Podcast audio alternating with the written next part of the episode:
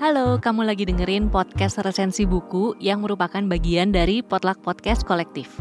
Di episode ini, kamu akan dengerin resensi buku dari teman-teman yang berpartisipasi di kompetisi podcast resensi buku 3. Kompetisi ini berkolaborasi dengan tujuh penerbit, yaitu Gramedia Pustaka Utama, Kepustakaan Populer Gramedia, Penerbit Haru, Buku Mojok, Penerbit Mizan, Bentang Pustaka, dan Gagas Media, dan juga berkolaborasi dengan Inti Megah Suara Indonesia. Selamat mendengarkan.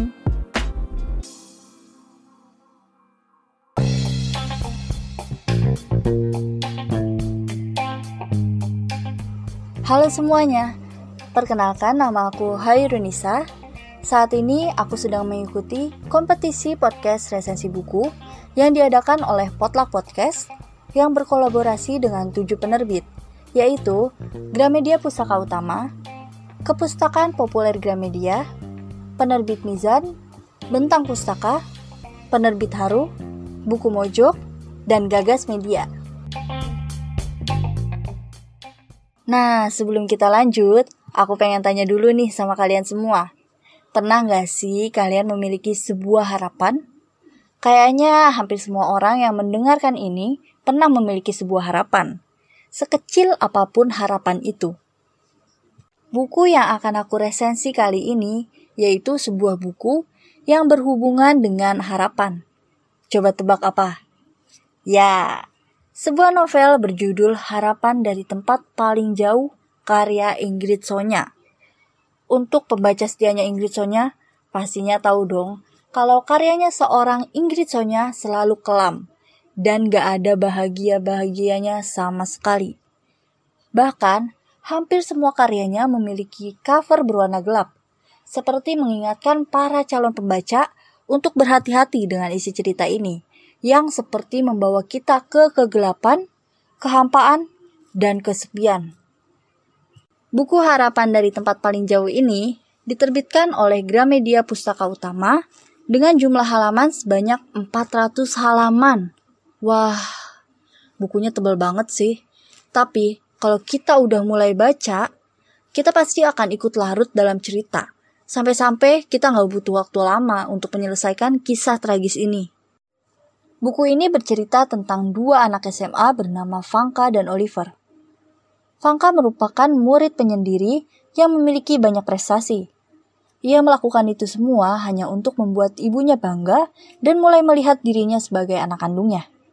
Sayangnya, Vanka harus berurusan dengan artis angkuh yang memiliki banyak sekali ketakutan. Ia bernama Oliver. Oliver hidup untuk kakeknya. Semua kegiatan yang ia lakukan, termasuk sekolah, hanya untuk membuat kakeknya percaya bahwa dirinya adalah anak yang normal. Namun, di tengah semua kepura-puraan itu, Oliver bersinggungan dengan Vanka, si cewek yang menyimpan banyak amarah. Awal hubungan keduanya ditandai oleh benci dan dendam. Tak ada yang menduganya sama sekali bahwa suatu hari keduanya akan berteman, saling bergantung, dan saling mengumpulkan harapan demi harapan yang mereka sangka dapat dijadikan alasan untuk bertahan. Harapan yang mereka kira dapat menyelamatkan mereka dari lautan kegelapan. Hubungan Vanka dan Oliver membawa kebahagiaan untuk mereka berdua, sehingga menciptakan sebuah harapan-harapan yang nyatanya sangat sulit untuk digapai. Sampai salah satu dari mereka menyadari itu, momen kebersamaan akhirnya bukan menjadi sebuah kebahagiaan saja, tetapi juga keraguan dan ketakutan.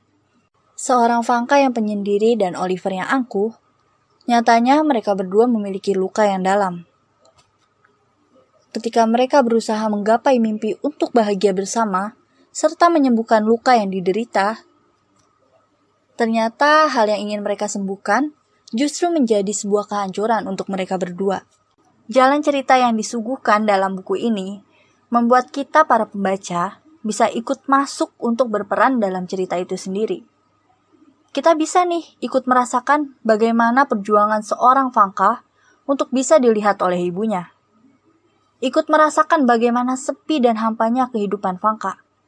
Dan kita juga bisa ikut merasakan bagaimana ketakutan seorang Oliver. Pemilihan kata yang digunakan dalam buku ini juga sangat mudah dimengerti untuk banyak orang.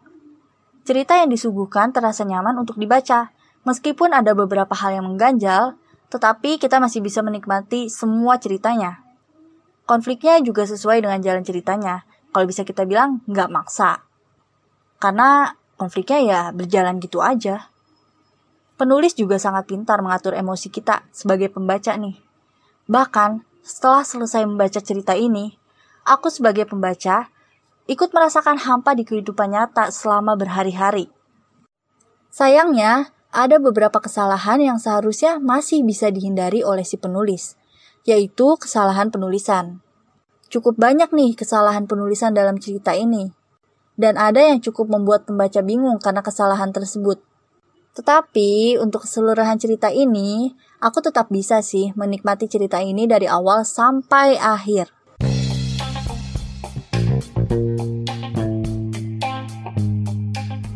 Sekian resensi dari aku. Terima kasih sudah mendengarkan. Bye bye.